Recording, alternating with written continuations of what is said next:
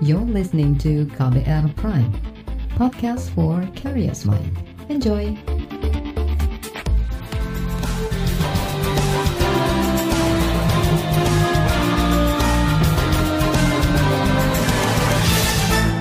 Disiarkan langsung dari studio KBR di Jakarta, inilah KBR Sore edisi hari ini, Kamis 22 April 2020.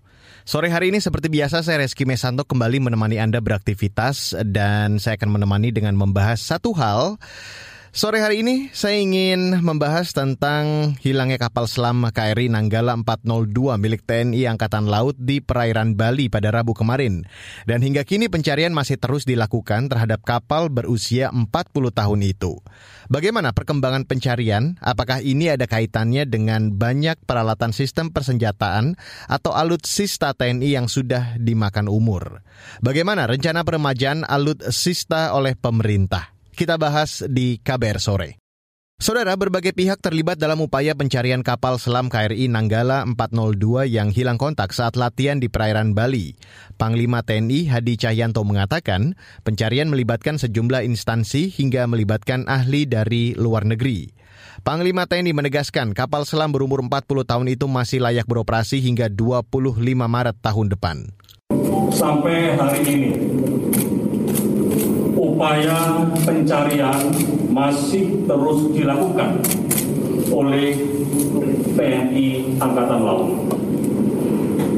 Seluruh prajurit di lapangan sedang melaksanakan pencarian dan pertolongan TNI Nanggala 402. Di lapangan rencana akan dibantu oleh instansi pemerintah lainnya yaitu Kepolisian Negara Republik Indonesia, KNKT, BPPT, dan Basarnas.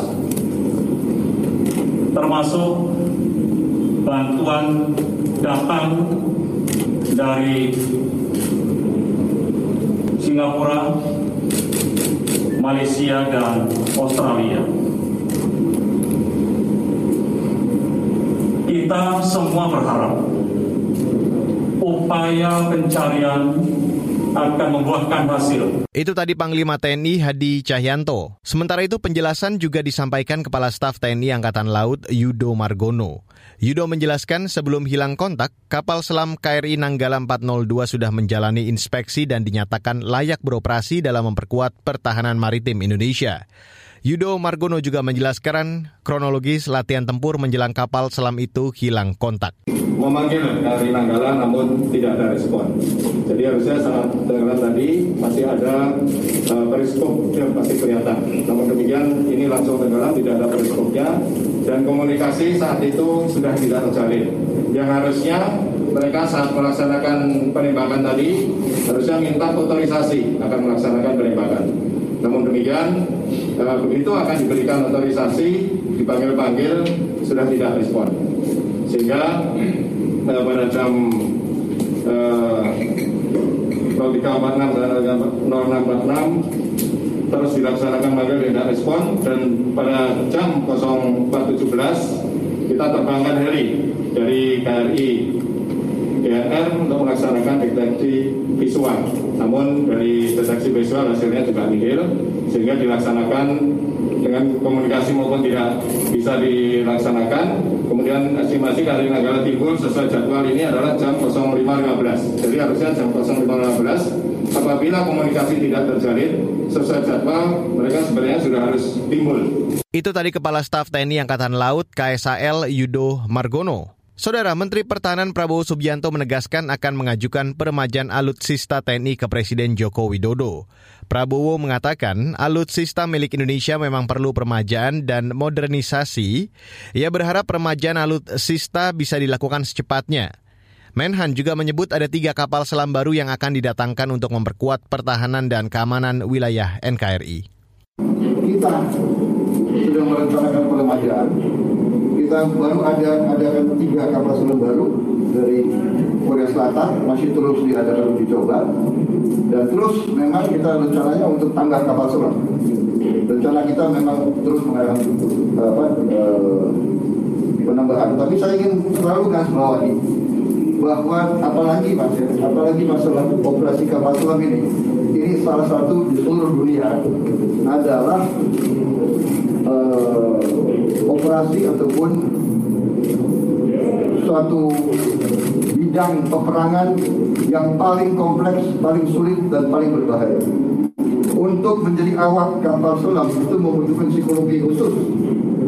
Tidak semua, tidak semua mampu di situasi seperti itu. Dan inilah banyak negara menghadapi seperti ini. Kalau tidak salah beberapa tahun yang lalu Rusia menghadapi juga menghadapi seperti ini. Ya kita sekarang uh, berharap kita berdoa mudah-mudahan okay, okay. kita bisa uh, menemukan mereka. Ya. Okay, Oksigen masih cukup untuk beberapa hari ya kita kita optimis kita berharap yang terbaik. Itu tadi Menteri Pertahanan Prabowo Subianto. Saudara, kapal selam KRI Nanggala 402 merupakan kapal selam buatan Jerman pada 40 tahun lalu. Kapal berbobot hampir 1.400 ton ini merupakan salah satu kapal selam andalan Indonesia. Ditenagai mesin diesel elektrik, KRI Nanggala mampu melaju hingga kecepatan 25 knot atau sekitar 46 km per jam. Hingga kini pencarian kapal KRI Nanggala dilakukan dengan melibatkan berbagai pihak termasuk Badan SAR Nasional. Saat hilang kontak, kapal ini dikabarkan mengangkut 53 awak. Saudara, di bagian berikutnya akan saya hadirkan laporan khas KBR mengenai kualitas kekuatan alutsista TNI. Tetaplah di KBR sore. You're listening to KBR Pride, podcast for curious mind. Enjoy.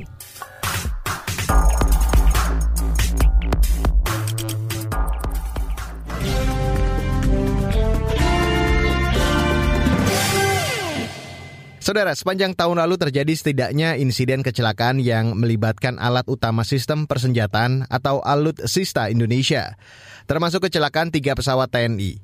Terbaru, kapal selam Indonesia hilang. Ini menimbulkan pertanyaan mengenai kesiapan alat utama sistem persenjataan Indonesia.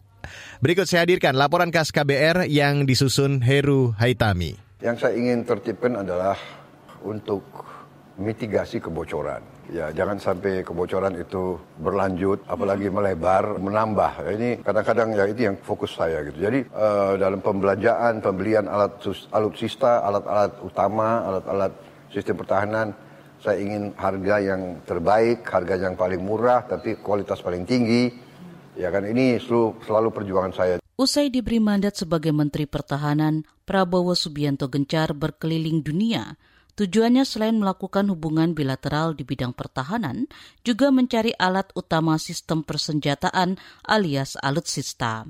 Setidaknya ada tujuh negara yang menjadi tujuan kunjungan Prabowo, di antaranya Korea Selatan, Perancis, Amerika Serikat, Jepang, Rusia, hingga Inggris. Dan itulah yang yang membuat saya harus banyak keliling ke luar negeri karena kita banyak tergantung teknologi masih banyak dari luar. Kita ingin kembangkan, presiden terus ingin kembangkan industri dalam negeri, ini terus kita push, sementara kita masih butuh sebagian dari luar. Nah, untuk beli teknologi militer dari luar harus ada izin dari pemerintah. Nggak bisa kita langsung ke pabriknya. Karena itu kita harus datang ke pemerintah. Ke, saya harus datang ke Menteri Pertahanan negara-negara itu, minta izin kan gitu. Dan kalau mereka baik sama kita, mereka memandang Indonesia bersahabat, baru kita harus bikin perjanjian, perjanjian kerjasama pertahanan. Dari situ baru kita bisa negosiasi sama pabrik-pabrik. Namun demikian hingga kini belum ada kepastian mengenai alutsista mana yang akan menjadi pilihan Indonesia.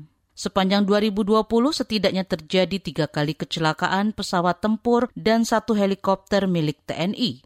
Terbaru pada 21 April kemarin, kapal selam KRI Nanggala 402 dikabarkan hilang kontak. Kejadian ini menurut pengamat militer Koni Rahakundini Bakri meski menjadi perhatian pemerintah dalam pengadaan dan kesiapan alutsista uh, ini menjadi pembelajaran bahwa saya tuh nggak tahu ya ini mesti saya ulang-ulangi dan ulang-ulangi lagi di masalah MRO. Jadi kita ini selalu concernnya kepada pengadaan, gitu kan? Lupa bahwa di MRO. Jadi saya dengan ini menghimbau BPK nih utamanya gitu kan. BPK tolong diperhatikan betul tentang uh, staff-staff repair engine, komponen dan lain-lain untuk uh, MRO semua hmm. alutsista kita bukan cuma hanya kejadian kapal selam ini. Karena kalau ini terjadi di kita ini pertama kali dan sekali lagi coba kita lihat ya dalam beberapa jam saja berapa berapa menit saja seluruh dunia langsung apa memperhatikan kita mas. Di sisi lain, pengamat militer Susan Ningtyas Kertopati mengatakan, selain pengadaan, perawatan pun penting untuk kesiapan alutsista. Kalau kita tuh melihat alutsista itu kalau perawatannya bagus ya, maintenance uh, overhaulnya bagus gitu ya, itu tentunya tidak akan juga berakibat buruk gitu. Tetapi apabila maintenance-nya juga tidak baik, usia dari alutsistanya juga sudah tua, maka akibatnya ya dalam operasi itu akan mengalami hal-hal yang tidak diinginkan. Susan mengingatkan setiap kepala satuan angkatan bijak dalam mengatur anggaran untuk kebutuhan alutsista した。Ada yang namanya minimum essential force. Nah, itu penggunaannya disesuaikan dengan kondisi dan perkembangan. Nah, memang dalam hal ini tergantung bagaimana pimpinan matranya apabila dengan bijak menggunakan anggaran apa maintenance, anggaran permajaan dan pembelian alat-alat tentunya akan semakin baik. Bagaimana ngurus politik anggaran itu gitu. Nah, itu kalau sudah disetujui tergantung bagaimana usernya, user anggaran tersebut apakah dengan dengan bijak menentukan pembelian atau peremajaan atau MRO untuk sebuah alutsista. Sementara di DPR, Wakil Ketua Komisi yang membidangi pertahanan Utut Adianto menilai insiden kecelakaan alat tempur TNI itu menjadi sinyal kuat perlunya permajaan alutsista milik TNI. Solusinya, Presiden, Panglima TNI, Menteri Keuangan, dan Menteri Pertahanan duduk bersama membicarakan kesiapan alutsista. Menurutnya, melihat dari fakta yang ada, banyak insiden kecelakaan akibat alutsista yang kondisinya sudah tidak baik. Demikian laporan khas KBR yang disusun Heru Haitami. Saya Fitri Anggreni. Saudara, pemerintah diminta memberi batas waktu usia operasional kapal selam maksimal hingga 25 tahun. Informasi selengkapnya sesaat lagi. Tetaplah di KBR sore. You're listening to KBR Pride, podcast for curious mind. Enjoy!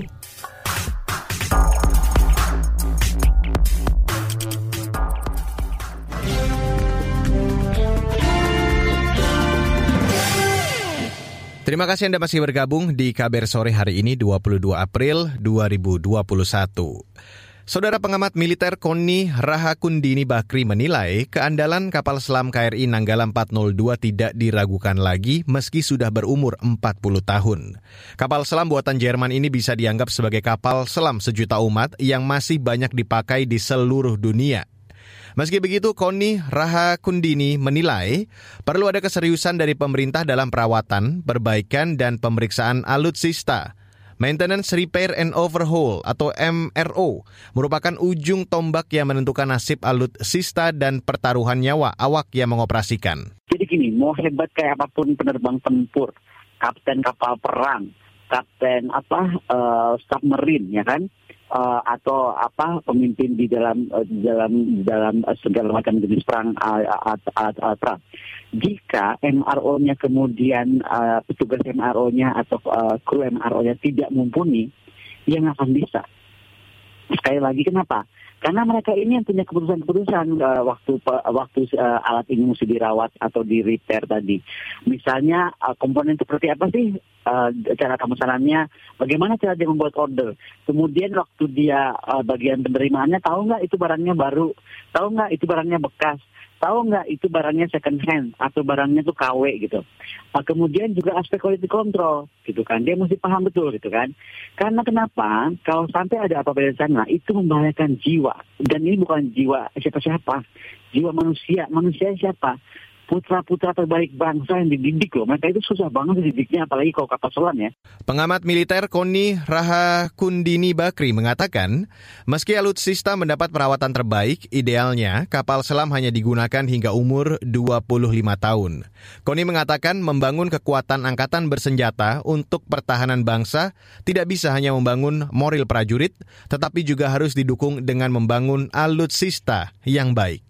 Uh, saya ini dari saya ngomong ini dengan sangat sedih ya mbak ya. Maksudnya gini loh, kita tuh terlalu sering uh, datang kecelakaan lupa, datang kecelakaan lupa. Nanti begitu rapat uh, di DPR uh, agar pertahanan naik seluruh bangsa Indonesia tuh uh, atau seluruh orang tuh bilang, aduh ngapain ya nggak pertahanan uh, tinggi-tinggi emang mau perang.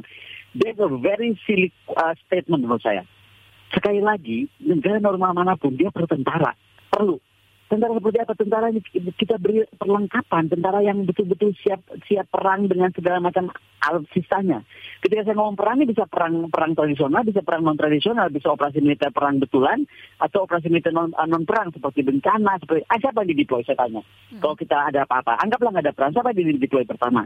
Angkatan kan gitu loh angkatan bersenjata kita. Nah ini artinya kita tuh nggak bisa memperlakukan mereka seperti ini gitu sedih saya gitu. Apalagi sekarang gitu, kita jelas-jelas tahu bahwa ada alutsista yang, yang sebenarnya aduh sehebat-hebatnya kita bisa ngakalin, tapi dia sudah usang gitu loh. Sehebat-hebatnya kita bisa sulap, mereka tuh sudah harus dimodernisasi gitu loh. Koni juga meminta pemerintah memperhatikan alokasi anggaran untuk belanja alutsista. Kata dia, pembelian alutsista harus benar-benar memperhatikan integrasi dari setiap angkatan, baik itu darat, laut, dan udara. Uh, sekali lagi kalau anggaran pertahanan kita kan jelas di kita ini memang jadi lucu sebenarnya. Makanya kalau saya sedang sarankan Kementerian Pertahanan ini harusnya jangan cuma jadi satu-satunya pengguna anggaran. Uh, tapi harus dibagi kepada kepala staf atau paling tidak kepada panglima TNI-nya lah gitu. Harus dua. Kenapa?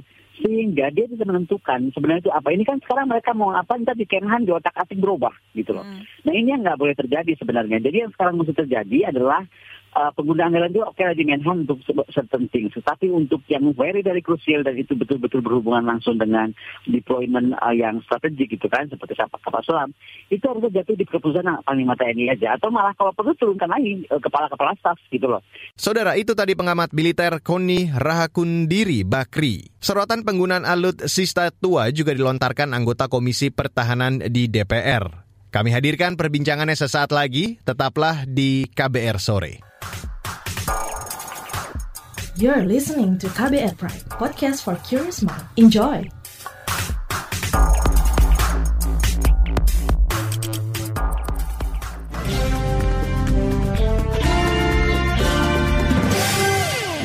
Selamat sore sekali lagi untuk Anda yang baru saja bergabung di KBR sore hari ini, 22 April 2021. Dan inilah bagian akhir dari KBR sore. Saudara, Komisi Pertahanan dan Keamanan di DPR meminta TNI menyelidiki kondisi kelayakan kapal selam KRI Nanggala 402 yang hilang kontak di perairan utara Selat Bali kemarin. Anggota Dewan curiga, hilangnya kontak kapal selam itu disebabkan kualitas kapal yang sudah menurun, apalagi usianya sudah mencapai 40-an tahun.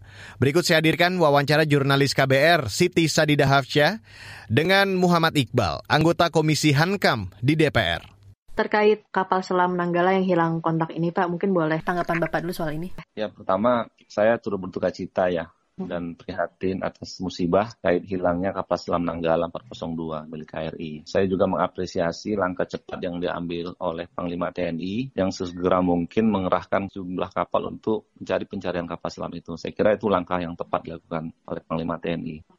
Baik. Ya. Kalau soal alat utama sistem pertahanan atau alusista, kapal hmm. selam ini kan kabarnya usianya udah 40 tahun. Nah, sebenarnya itu layak atau tidak sih Pak kalau dari pandangan Bapak? Kalau kita lihat dari sisi usia, ini kan diproduksi tahun 1979. Buatan Jerman waktu itu Jerman masih Jerman Barat itu waktu itu. Artinya kalau kita lihat ini sudah tua dan apakah faktor faktor usia ini yang menyebabkan kapal selam itu malfungsi atau ada kerusakan itu yang harus kita minta kepada Panglima TNI untuk diselidiki. Nah, lalu kita meminta jika ada alutsista kita yang sudah tidak layak pakai, harus ada pembaharuan. Itu yang kita minta di Komisi 1. Jadi kita minta kepada Kementerian Pertahanan, Prabowo, dan Panglima TNI untuk segera memperbaharui alutsista-alutsista yang ada, yang sudah tidak layak pakai seharusnya jangan digunakan lagi karena resikonya ini kan cukup besar. Saya kira seperti itu, Mbak. Kalau nah. peremajaan dan catatan pembelian kapal selam tempur RI ini DPR apakah ikut mencermati termasuk anggaran alusista RI e, eh, secara umum apakah memang sudah mencukupi atau bisa dibilang kurang, Pak? Anggaran Kemenhan itu kan salah satu anggaran yang terbesar ya. Anggaran Kemenhan itu sekitar 137 triliun. Nah, tetapi 137 triliun itu itu kan dibagi lagi, bukan untuk alutsista semua, ada untuk kesejahteraan prajurit dan lain-lainnya. Jadi kami mengira di Komisi 1 memang kalau kita melihat kebutuhan alutsista, permajaan alutsista itu sebenarnya masih kurang anggaran itu. Tetapi kita harus paham juga bahwa kondisi keuangan kita seperti ini saat ini. Apalagi saat ini kita lagi berjuang untuk melawan COVID, kemudian anggaran untuk apa untuk fasilitas rumah sakit juga dibutuhkan cukup besar, maka ya kita ya kita harus paham bahwa kondisi anggaran untuk Kemenhan ini ya memang walaupun tidak cukup, tapi kita minta harus dicukup-cukupkan lah seperti itu. Jadi kita minta kepada Kemenhan itu harus bisa mengkanalisasi mana alusista-alusista yang benar-benar sudah tidak layak pakai itu yang terlebih dahulu diremajakan atau diperbaharui. Kira-kira seperti itu. Untuk pengadaan kapal selam baru, itu sebaiknya Indonesia membeli uh, yang bekas tapi masih layak atau baru terus mungkin daerah mana produsen yang baik gitu Pak misalkan Cina, Korea Selatan atau mungkin hmm. Indonesia sendiri sudah siap untuk memproduksi gitu. Kalau saya berpendapat kalau bisa kita bisa memproduksi sendiri. Kita kan ada PT PAL ya, PT PAL itu memproduksi kapal dan saya dengar informasi PT PAL saat ini sedang mengerjakan kapal selam bekerja sama dengan negara-negara lain. Kalau tidak salah saya Korea Selatan itu. Hmm. Jadi saya berharap dengan anggaran terbatas ini kita usahakan untuk bisa menggunakan produksi dalam negeri. Nah tetapi kalau jika tidak bisa kita membeli produksi dalam negeri, kita belum sanggup, maka kita melihat ke negara-negara yang memproduksi kapal selam yang kira-kira tepat kita gunakan. Tepat artinya pertama dari sisi teknologi, hmm. kemudian yang kedua dari sisi biayanya. Jadi tidak terlalu mahal. Itu yang harus dilakukan oleh pemerintah. Saudara itu tadi Muhammad Iqbal, anggota Komisi Pertahanan dan Keamanan di DPR. Saudara, pandemi COVID-19 dalam dua tahun ini menyebabkan Kementerian Keuangan menyunat anggaran bagi berbagai instansi termasuk Kementerian Pertahanan dan TNI. Tahun ini, anggaran Kementerian Pertahanan dan TNI dipotong 6 triliun rupiah.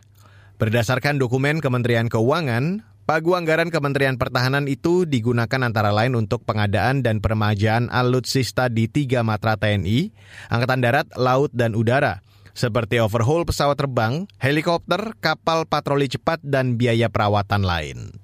Dan saudara, informasi tadi akhirnya menutup KBR sore untuk hari ini 22 April 2021.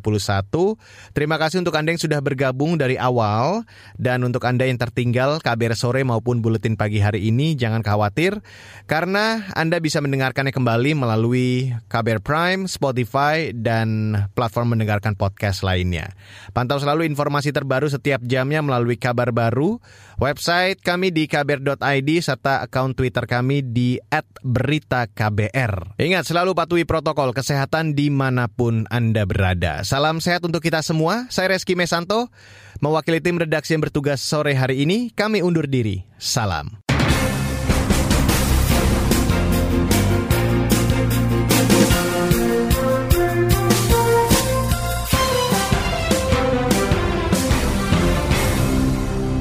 KBR Prime, cara asik mendengar berita.